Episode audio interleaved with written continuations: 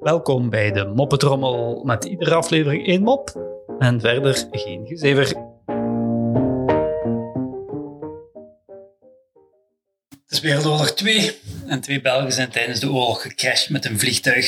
Ze hebben al enkele weken niet meer gegeten en uh, ze zitten naast de rivier en plots zien ze daar het lijk van een Duitser voorbij drijven. Well, die is toch al dood, denken ze. En als we die oppeuzelen, kunnen we alsnog ons eigen hachje redden. De twee mannen uh, trekken hun stoute schoenen aan en vissen met veel moeite de Duitser uit het water en snijden zijn uh, maag open. De maag van een soldaat blijkt gevuld met zuurkool en worst. Lekker. Ja, de ene Belg begint de maaginhoud van een soldaat op te peuzelen en de andere kijkt me afschuwd toe en zegt daar heb ik nu helemaal geen zin in. Lak. Enige tijd later uh, voelt de man zich niet zo goed meer en hij braakt de zuurkool met de worst uit. Tot zijn grote verbazing begint de andere man plots wel uh, het braaksel op te eten. Verbaasd vraagt hij: Hè? Ik dacht dat je geen zuurkool met worst moest hebben. Nee, uh, zegt de ander, koud hoef ik het niet, maar opgewarmd lust ik het wel.